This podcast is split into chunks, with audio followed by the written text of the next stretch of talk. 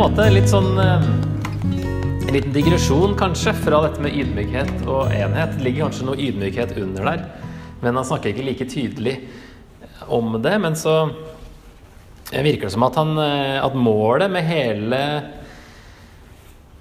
kapittelet, kanskje, og kapittel to, er det han ender opp med i begynnelsen av kapittel fire, med å, med å henvende seg til disse to damene som må komme til enighet. Eh, og det virker såpass viktig at de kommer til enighet at han har brukt ganske mye tid på å ja, skrive på sånn måte som vil virke overbevisende når han kommer dit. da. Men jeg tenkte vi må spare litt til neste gang, for ikke så er det liksom ikke så mye igjen av brevet plutselig. Og så er det med sånne hilsninger og fortelling om åssen det går og sånne ting. Så er det liksom ikke like mye å bruke sånn tid på, sånn som nå. Jeg, selv om man kanskje konkluderer kapittel tre med de første tre versene av kapittel fire, så må vi likevel vente litt med de. tror jeg. Så blir det en sånn fin inndeling med kapittel eh, tre i dag. Så han begynner Jeg har, tror jeg har hele teksten oppe på skjermen jeg, i dag. Men gjerne bla i Bibelen òg, hvis dere har det med dere. Um, ja, for det er en liten sånn Og så, mine søsken. Det er noen som tror at han her egentlig hadde tenkt å avslutte brevet, for det av og til så oversettes det med eh, 'til slutt, mine søsken'. Men eh, i så fall så er det Han kommer jo ikke til Da er det virkelig en digresjon, hvis han egentlig har tenkt å avslutte, og så kommer det et helt kapittel. Men jeg tviler på det, ettersom hvordan han jobber liksom fram mot, mot slutten her. Men eh, det er i hvert fall noe nytt som begynner, da. Og så, mine søsken jo, altså, kapittel to slutta han med Timoteus og Epafroditus, som at de er på vei, og tar godt imot dem og se og lær av dem, da. Men så sier han her Gled dere i Herren. Jeg blir ikke trett av å skrive det på nytt, og det skal gjøre dere trygge. Hold øye med hundene, hold øye med de onde arbeiderne, hold øye med dem som skamskjærer seg. For det er vi som er de omskårne. Vi gjør tjeneste ved Guds ånd. Vi har vår stolthet i Kristus Jesus og setter ikke vår lit til det ytre. Ja, det ble plutselig noe helt annet i begynnelsen av kapittelet her i forhold til det han har snakka om så langt. Hva all verden? altså, det eh, Når han sier 'jeg blir ikke trett av å skrive det på nytt', og det skal gjøre dere trygge, så er det Jeg har jo alltid tenkt at han eh, mener det han nettopp skrev. 'Gled dere i Herren'. Han sa jo nesten det samme i 2.18. Så må også dere være glade og glede dere sammen med meg. Så kanskje han sier at ja, jeg kan skrive det en gang til, det er ikke noe problem. Og så skriver han det enda mer i kapittel 4. Men så er det det med at det skal, det skal gjøre dere trygge, er liksom ikke like tydelig. Så noen eh, mener at, han, at det kan ha et kolon etter trygge. At det er det som kommer etterpå, som han nå gjentar, som han har sagt før kanskje til dem. Eh, og som skal gjøre dem trygge. Og da blir det kanskje litt mer forståelig det han kommer med i, i vers 2 her. Om å holde øye med hundene og de onde arbeiderne og dem som skamskjærer seg. Ehm, her ehm, Jeg prøvde å oversette de tre til å begynne på samme bokstav, fordi det gjør det på gresk. Men det var veldig vanskelig å finne at alle tre gikk opp. liksom Kjøterne og kutterne fikk jeg til liksom, men ikke noe, ikke noe ondt som begynte på K, f.eks. Så jeg holdt på sånn en stund. Bastardene og de bedervede. og så stoppa det på den siste. men han, eh, han har tre K-er her, da. Hold øye med det. Og det er nok en sånn retorisk effekt som han vil få frem, at det her er viktig. Så dette med hunder først, da. Jeg liker jo hunder veldig godt. Så jeg syns det er litt synd at hunder alltid er negativt i Bibelen. Det er ikke noe Det er til nød nøytralt. Men som regel så er det negativt. Eh, noen vers der vi ser det, er f.eks. i Salme 22. Så står det at eh, hunder samler seg om meg. En flokk av voldsmenn omringer meg. Så er det en parallell mellom hunder og voldsmenn. Så blir det enda verre da, i siste kapittel i Bibelen, åpenbaringen 22. Men utenfor er hundene og de som driver med trolldom, og de som driver hor, morderne, avgudsdyrkerne og alle som elsker løgn og taler løgn. Det er litt av et, et selskap de hundene skal være i. Nå er det jo kanskje ikke bokstavelig hunder han mener eh, si, her i oppmaringen, og det er jo ikke det i Salme 22 heller.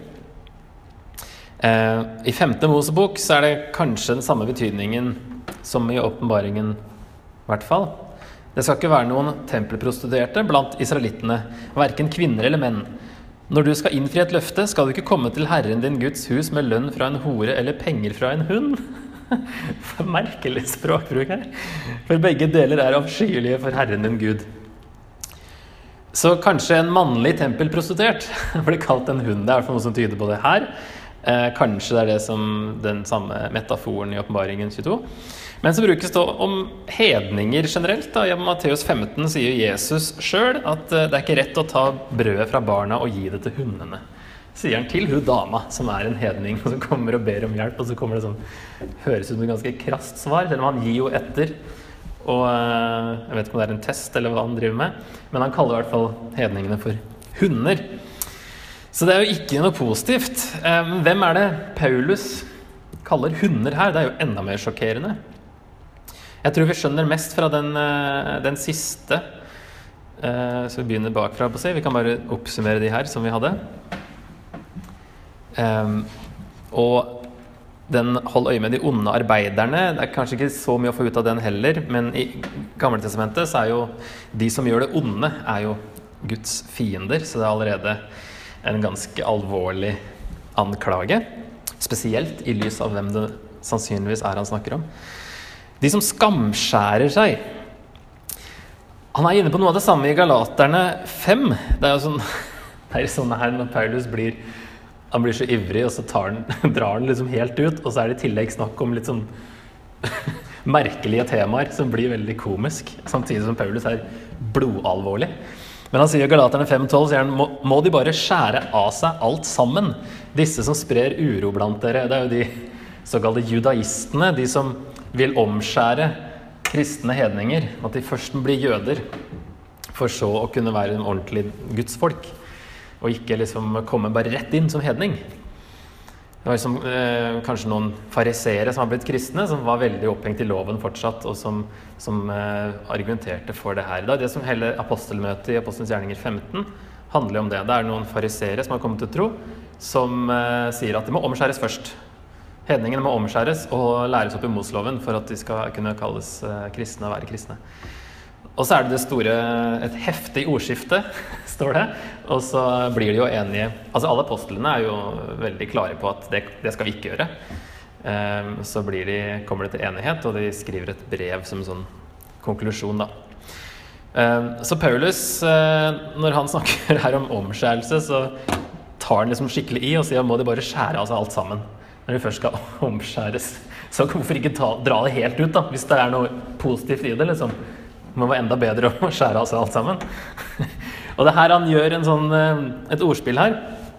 Omskjærelse er peritomé, og han uh, bruker her da, bytter ut første, den forstavelsen og snakker om katatomé her, som er da å skamskjære seg. Så han vrir litt på det ordet for omskjære til at det blir da skamskjære. Og det er jo når omskjærelsen blir sentrum for gudsforholdet. Altså loven, man henger seg for mye opp i loven, som mange av jødene tydeligvis hadde gjort. Eh, og spesielt alvorlig er det når, da, når faktisk Jesus-troende jøder, kanskje her, da, eh, krevde omskjæring i tillegg til det å tro. Eh, så han, ved å kalle det for skamskjæring, så kobler han det også til det som var forbudt i loven, det å rispe seg opp, sånn som han gjorde i hedenske eh, Eh, religioner. Tredje Mosbok 1928 står det det skal ikke rispe dere opp på kroppen i sorg over en som er død. Og spesielt prestene skal ikke gjøre det i det neste verset der. 15. Eh, Mosbok 14 står det at dere skal ikke skjære dere opp eller rake dere snaue over pannen i sorg over en avdød. Så skjære dere opp. Så det er en sånn sørgeskikker. Eh, og det ser vi jo i første kongebok 18, at når de, det er jo Elia mot alle de Baal-prestene så står det at de ropte enda høyere og rispet seg med sverd og spyd, som de hadde for skikk til blodet rant nedover dem, for å få oppmerksomheten til, til gudene. Så her eh, eh, kobler han det til å gjøre det liksom bare enda verre. Spesielt når det nok trolig er noen jøder, eller judaister, hva man nå vil kalle dem. Det er de han snakker til, de, eller snakker om. Det er de han kaller for hunder og onde arbeidere. Og eh, at de skamskjærer seg som de gjorde i hedenske religioner, som var forbudt i Moseloven.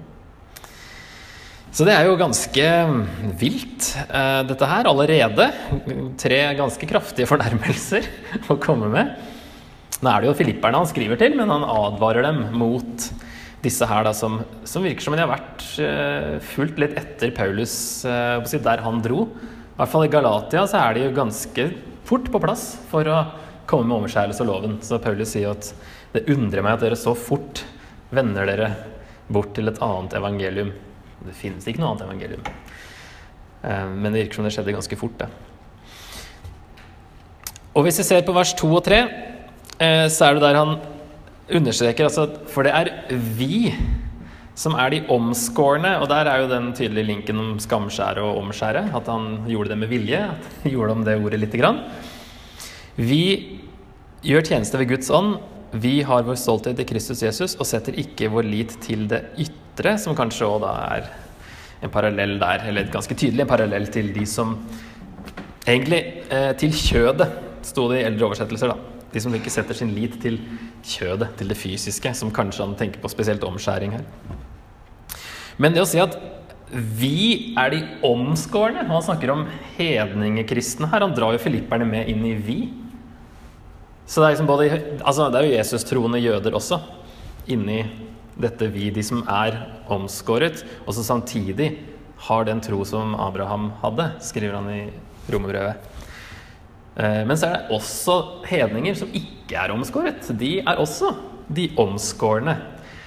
Det ville vært fullstendig sjokkerende å høre da, for en, en jøde. Paulus var jo jøde sjøl, men han liker å sjokkere. For til og med omskjærelsen ble oppfylt i Jesus. Det er vel det han, eh, han tenker på her. Um, og den um, også gjøre tjeneste, det uttrykket som man bruker der, det er det samme som ble brukt i Gammeltestamentet om den tjenesten man gjorde i tempelet. Det fysiske tempelet. Da. Og her er det da den tjenesten i det nye åndelige tempelet som gjøres ved Guds ånd. Hvor da skamskårne prester ikke kunne tjene i det gamle, gamle paktstempelet. Og eh, lager en kraftig kontrast her. Så går han videre For han sier da, ikke sant, til slutten av vers 3 eh, og setter ikke, lit, setter ikke vår lit til det ytre. Ytre sett har jeg grunn til selvtillit, sier han. Om andre mener de kan sette sin lit til det ytre, kan jeg det enda mer.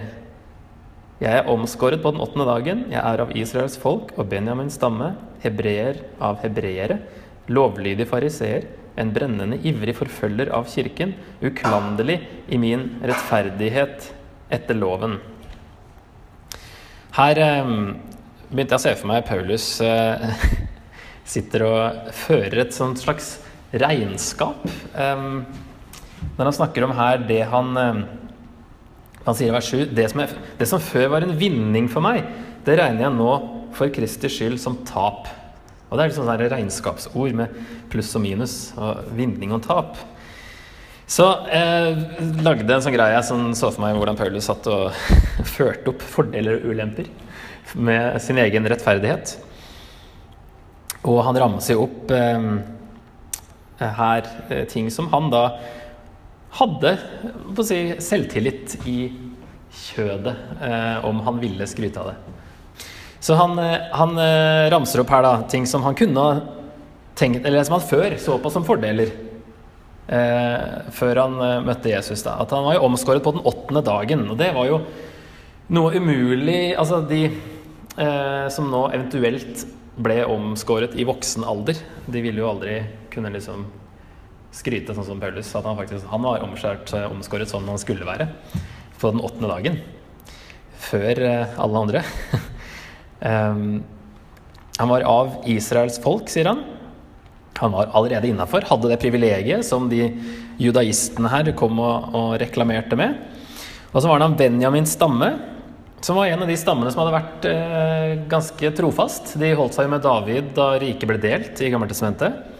Um, og det var, de, det var også Sørriket, da, Juda og Benjamin spesielt, som utgjorde jødene på, på, Jesu tid.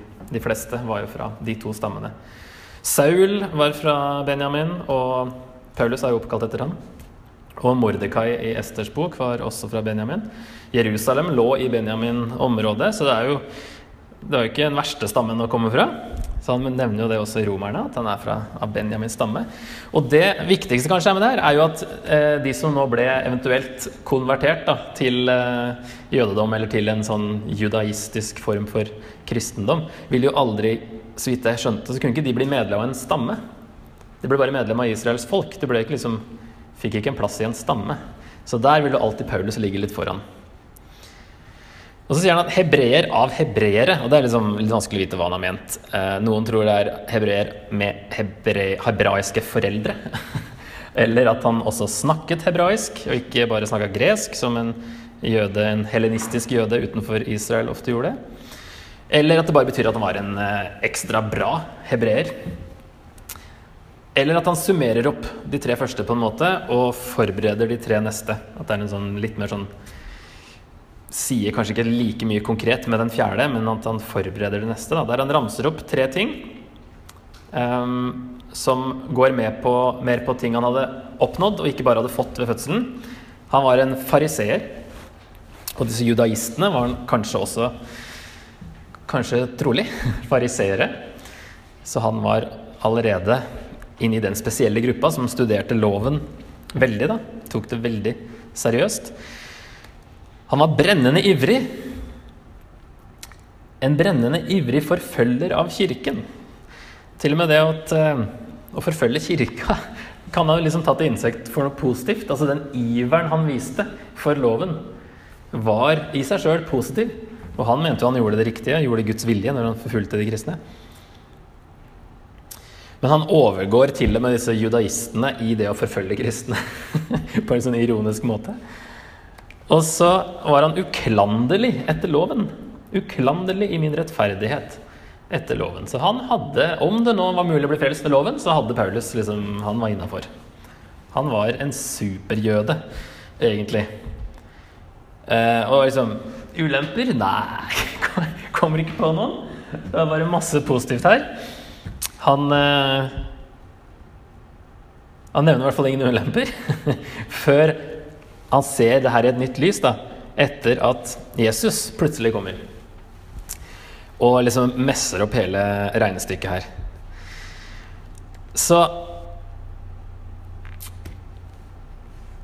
Det er da han eh, må gjøre om ting, da. Da er jo dette her eh, Jesus er jo fordelen, den store fordelen. Jesus er alt, er jo det han sier nedover. Og det som var fordeler, det blir ulemper. Det blir tap. Det blir liksom enda verre enn bare ulemper. Det som før var en vinning for meg, det regner jeg nå for Kristi skyld som tap. Ja, jeg regner alt som tap, fordi det å kjenne Kristus Jesus, min Herre, er så mye mer verdt. For hans skyld har jeg tapt alt.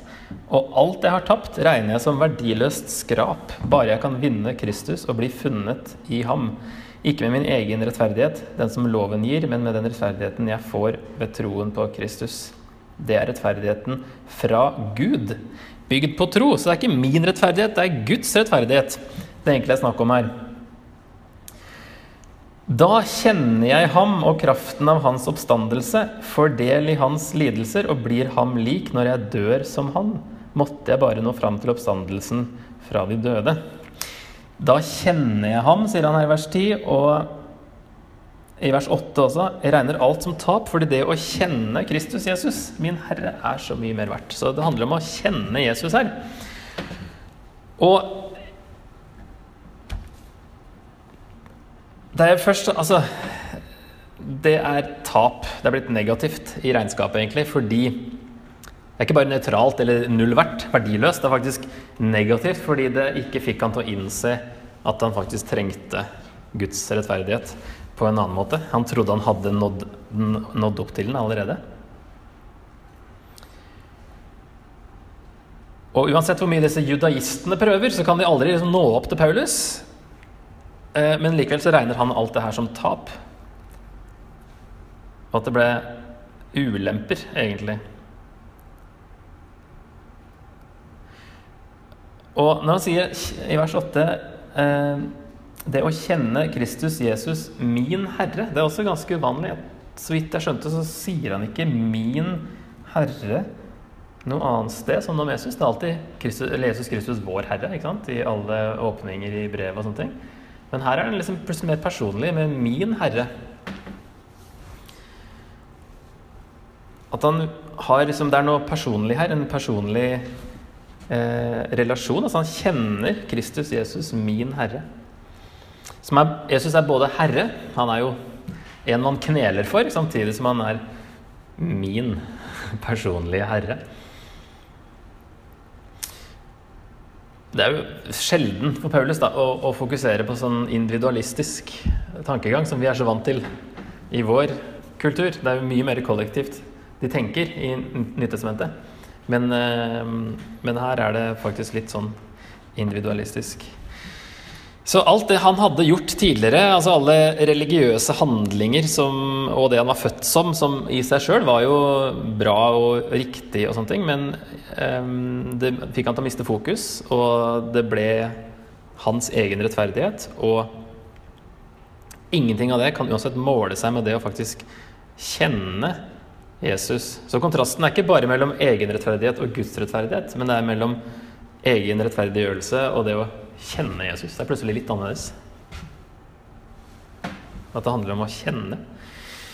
Og målet hans er heller ikke å oppnå evig liv, men å kjenne Jesus. Alt annet blekner. Og så er det jo gøy, da. Fordi det er jo eh, det ordet for skrap. I noen oversettelser, så på engelsk så står det for King James så står det 'dung'. Og det betyr jo liksom møkk. Um, og det ordet, altså skubalon på gresk, det er jo fortsatt da Man snakker om skubala. Hvis det er noen som er medisinere her, så er det fortsatt et, et uttrykk i Et medisinsk uttrykk for det samme. Altså bruker han ordet dritt, liksom? Det, det skal ikke forundre meg. Han er så eh, liker å sjokkere og er liksom eh, Nå skal han bare toppe det enda mer. Eh, når han sier at han regner det alt som tap, og alt jeg har tapt, regner jeg som verdiløst skrap. Det er det der, der det kanskje egentlig var at han regner det som eh, dritt. Jeg måtte bare ha på meg i anledning dette her, da, så har jeg kjøpt en sånn nerde-T-skjorte som eh, jeg vil vise fram. For det er jo virkelig i kveld den passer. If you don't know Greek, you don't know skubalon, står det der. Og det er jo to vitser. ikke sant? Du, hvis du ikke kan gresk, så skjønner du ikke det siste ordet. Og hvis du kan gresk, så er det fortsatt morsomt. For da er det altså, hvis ikke du kan gresk, så kan du ikke en dritt. Så det tenkte jeg i dag må jeg vise fram den. Så um, det er ingen andre som skjønner den. Så det er bare når Filipperne 3 er oppe, at det går an liksom å forklare den litt. Da. Det er bare her i Bibelen det ordet kommer, altså, brukes. Og det, det brukes sjelden, visstnok generelt, da, i, eh, i, litteratur på den tida her. Så det virker som det var et sånt kraftuttrykk. Men det, det er ikke alltid det. Det kan bety bare sånn møkk og, og si, søppel.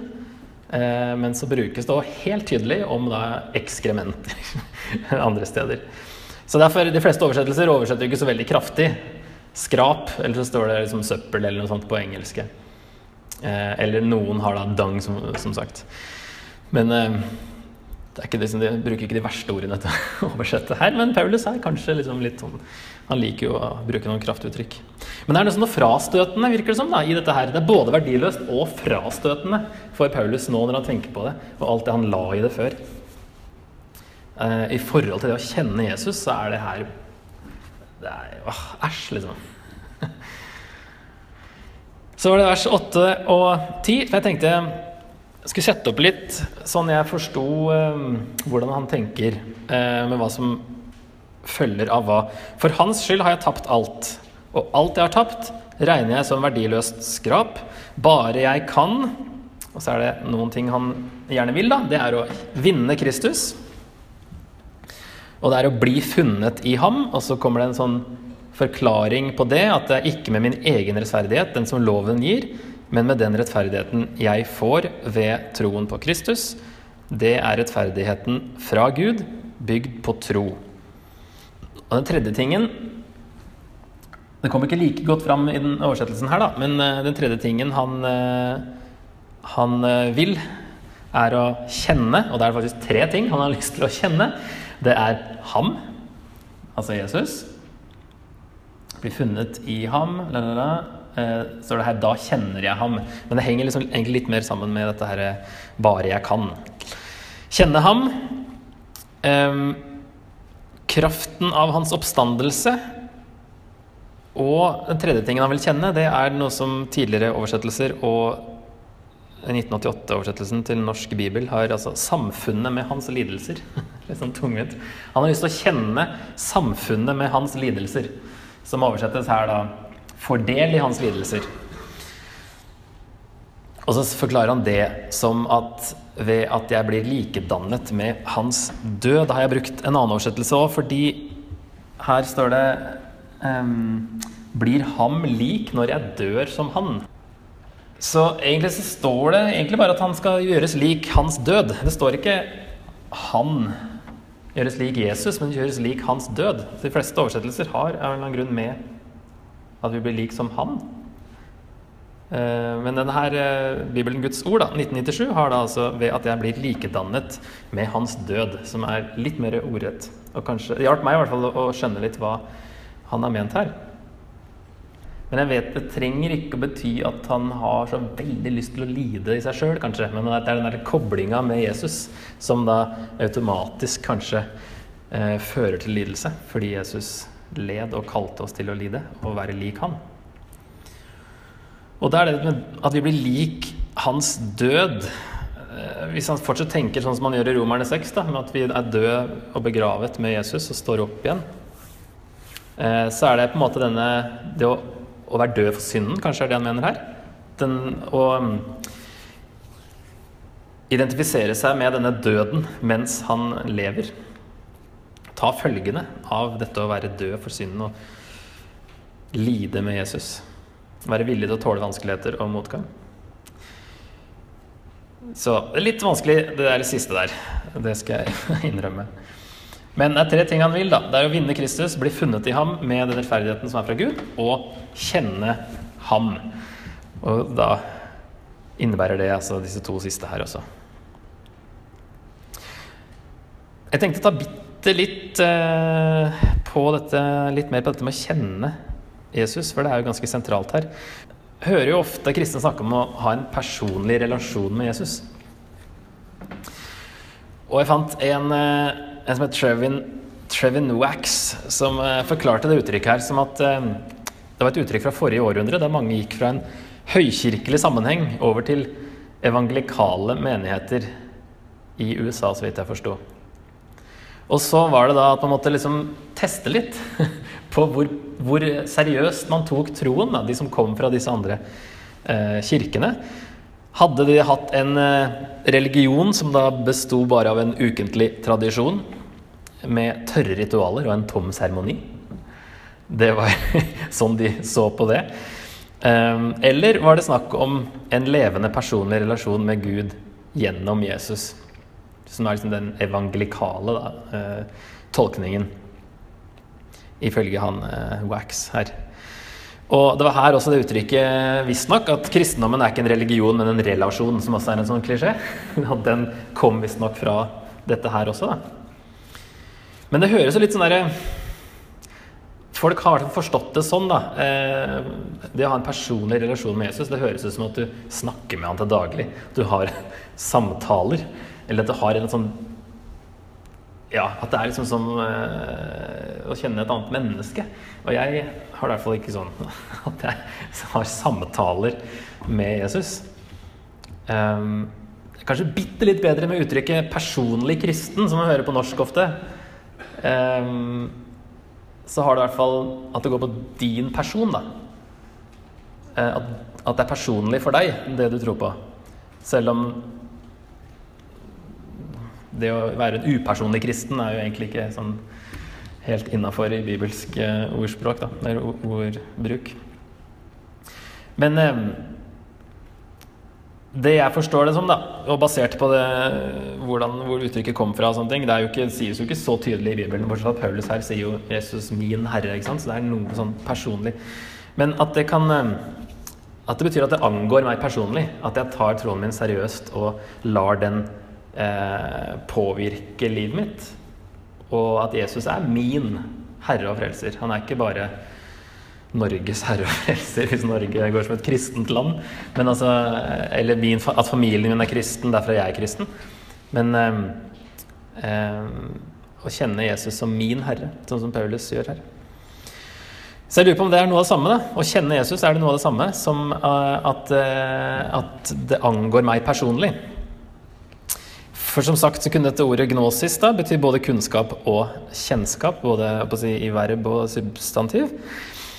Uh, men at det er et eller annet en personlig og en nær relasjon, sånn at vi kan si 'min herre', uten at det defineres akkurat så veldig mye mer av Paulus, da, hva det vil si dette å kjenne Jesus. I 1. Johannes så definerer Johannes det som å Hvis vi kjenner ham, så holder vi hans bud. Det er liksom sånn Se på livsstilen deres. Den vitner om at dere kjenner Jesus. Eh, men Paulus definerer det kanskje ikke så mye her. Men eh, ja, jeg tenkte, har et spørsmål, veldig generelt spørsmål på det her på slutten, så vi kan snakke litt videre om det da. Ja, vi må se om vi kommer litt videre. Jeg hadde liksom tyngden her, så det går, vi rekker litt mer eh, litt fortere gjennom, men klokka er jo snart ni, så vi får se. Jeg mener ikke at alt har nådd dette, eller alt er fullkommen, men jeg jager fram mot det for å gripe det, fordi jeg selv er grepet av Kristus Jesus. Mine søsken, jeg tror ikke om meg selv at jeg har grepet det, men én ting gjør jeg. Jeg glemmer det som ligger bak, og strekker meg etter det som er foran og jager fram mot målet, mot den seiersprisen som Gud fra det høye har kalt oss til i Kristus Jesus. Her er det mye snakk om å gripe. Gripe, grepet, har grepet. Mangler bare en presens her. Men han jager, i hvert fall. Selv om han ikke griper akkurat nå. Men eh, ja, han har ikke nådd fram til oppstandelsen, tror jeg han mener, han ikke, som han akkurat har nevnt. Eh, han har ikke nådd fram til det, men han jager mot det målet. Eh, mot seiersprisen som Gud har kalt oss til. Kallet som både begynte når vi kom til tro, og som alltid kaller oss til Gud, som er liksom eh, livet Det livet dreier seg om, egentlig, er å, å løpe eh, mot Altså jage fram mot det målet. Og her, For Paulus er jo ikke målet det å få en belønning eller å komme til himmelen, men målet er Jesus her også. Um, fordi jeg er grepet av Kristus Jesus og jager fram mot den seiersprisen. Um, så Gud Jeg så for meg her Gud liksom står alltid og, og kaller oss. altså Kallet starta da du kom til tro, og så er det alltid det kallet som vi må huske på. Eh, det er det ordet brukes mest om i Bibelen. Det å være kalt, det er jo å være frelst, eller å komme til tro. Og så har vi det målet vi løper mot. Så så vidt jeg forstår her, altså det eneste Paulus har som mål i livet, det er å strekke seg etter Jesus. Og at uh, Gud alltid står og, og, kaller på oss, og at livet er å løpe mot det kallet. Og så er jo grunnen at han har fortalt alt dette her, kommer han til da i vers 15. La oss da tenke slik Det lille da-ordet er jo utelatt her, da. La oss da tenke slik, alle vi som har nådd fram til modenhet. Og om dere ser annerledes på noe, skal Gud gi dere klarhet også i det. La oss bare, så langt vi har kommet, fortsette i samme spor. Følg mitt eksempel, søsken, og se opp til dem som lever etter det forbildet dere har i oss. Første gangen så, I åpninga så, så, nevnte jeg at han bruker dette ordet 'tenke' ganske mye i det brevet her. Her er en av de stedene da, du kommer frem igjen. At um, må tenke riktig. Og her har han brukt sin historie, på en måte, til å, å, minne om at vi må tenke på den måten her. Fordi hans historie sammenfaller egentlig ganske mye med, med det han snakka om Jesus i kapittel 2. Da. Og derfor han liksom har den frimodigheten til å si at vi må tenke sånn. Eh, og i kapittel 2 snakker han også mye om å tenke som Jesus. Det la, ja, tenk sånn som Jesus, altså i 2.5, og det er mye tenk eh, Ha samme sinnelag, vær etter sjel og sinn. At det var det tenking, egentlig, det ordet han bruker. Så han eh, snakker om å tenke slik, følge hans eksempel og se opp til de som lever etter det forbildet dere har i oss. Det er liksom litt spenstig å, å si sånn om seg sjøl, men eh, han var jo klar over at han måtte stå til ansvar for det, så han eh, tar jo ikke lett på det og bare slenger det ut. Men eh, det er kanskje nyttig, spesielt for de som ikke kan lese, da, og ikke kunne gå tilbake til Filippe-brevet og lese det sånn som vi kan. Eh, de fleste kunne jo ikke lese, men så hadde de eksempler å følge. Og han er jo sendt, eller ja, Epafroditus er jo der og kommer tilbake. Og Timoteus skal dit, og Paulus kommer. Alle de blir eksempler de kan se på, som er kanskje lettere enn å studere en tekst. Og det som var ironisk her, syns jeg, er at Paulus, som sitter i fengsel, han har ikke mista fokus. Han, han, sitter her og oppmuntrer folk som kanskje har mista Jesus litt av syne. Og glemmer liksom hvilket mål man, man løper mot. Eh, men han sitter i fengsel. Han har stålfokus likevel. Eh, selv om de andre er fri, og han ikke er det. Kanskje det hjelper da, på å skjerpe fokuset når man plutselig befinner seg sånn, i en sånn situasjon. Tre siste vers. Fire siste vers blir det. For, som jeg ofte har sagt, og nå gjentar med tårer, mange lever som fiender av Kristi kors. Fortapelse er deres mål og magen deres Gud. Skam gjør de til ære, og de søker bare det jordiske. Men vi har vår borgerrett i himmelen, og derfra venter vi Frelseren, Herren Jesus Kristus. Han skal forvandle vår skrøpelige kropp og gjøre den lik den kroppen han selv har i herligheten. For han har makt til å underlegge seg alt. Eh, her kan vi jo lage, sette opp det her som kontraster, siden han eh, har eh, sier jo menn i vers 20. Det tyder på en kontrast. Og så understreker han vi. Vi har vår borgerrett i himmelen, i motsetning til de, som han har snakka om eh, først. De som bare søker det jordiske. Så er det også en kontrast mellom jordisk der og at vi har vår borgerrett i himmelen. Og borgerrett, det Her er det vel substantivet av det verbet han brukte i 1.27 med å føre et liv som er Kristi evangelium verdig, som der var et så sjeldent ord at han brukte dette ordet som gikk på å leve som innbygger av en stat. Siden Filippi var en romersk koloni, og han spiller litt på det. Og her har de egentlig borgerskapet sitt i himmelen, ikke i Filippi at egentlig er menigheten en koloni av himmelen på jorda. Og vi må leve som den staten vi egentlig tilhører.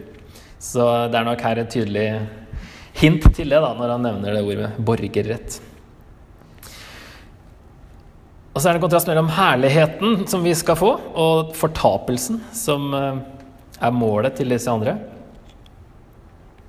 Og så er det også eh, på engelsk så Nei, det er ikke noe bedre på engelsk, tror jeg. Men uh, herlighet kan bety både um, ære og herlighet. Uh, sånn at uh, når han sier at de gjør skam til ære, så er det også kanskje en sånn kontrast da, til, til, herligheten. Um, som han skal forvandle vår skrøpelige kropp. Det er faktisk ydmyke kropp, er egentlig ordet der. Der dukker det opp litt ydmykhet. Men det er kanskje mer den derre ydmykheten, fornedrelsen, som Jesus så gjennomgikk eller tok på seg da, i 2.8. Han fornedret seg selv og ble lydig til døden. Men det er jo sånn ydmykende uh, periode fram til vi får den kroppen som Jesus har i herligheten. Da skal vi bli lik han på, på enda et nytt nivå. Og inntil da så skal vi liksom bare jobbe med å bli mer og mer lik han. da. Ja. Eh, spørsmålene har jeg da eh, her. Um, først og veldig generelt. Hvordan kan vi si at vi kjenner Jesus? Vi kan ta den videre. Hva Ja, kan vi definere det på et vis? Um, når kan tradisjoner, former, liturgi og sakramenter bli religiøsitet og komme i veien for det å kjenne Jesus? I går så var det en på Facebook, det var jo Luther eh, reformasjonsjubileum, så en som skrev eh, det at vi kjenner ham, og han kjenner oss, og ikke vår religiøse tilhørighet eller prestens velsignelse, som gjør at vi er frelst. Ja, det er det at vi kjenner ham, som gjør at vi er frelst. Derfor var reformasjonen viktig og nødvendig. Men altså dette kan det komme i veien. da, Det er veldig mye vi gjør i forskjellige typer menigheter som, eh, som kan kanskje overskygge av og til. Jesus er ikke et middel for å bli bedre mennesker eller for å få evig liv. For å sette det helt på spissen. Jesus er målet og ikke middelet. Er vi grepet av Jesus eller av himmelen? Det er ting som har slått meg litt i det her, så jeg bare oppsummerer litt for meg sjøl også. Og hvis vårt mål i livet er å strekke oss etter Jesus og løpe mot ham, som kaller oss fra himmelen, hva har dette å si for hvordan vi lever?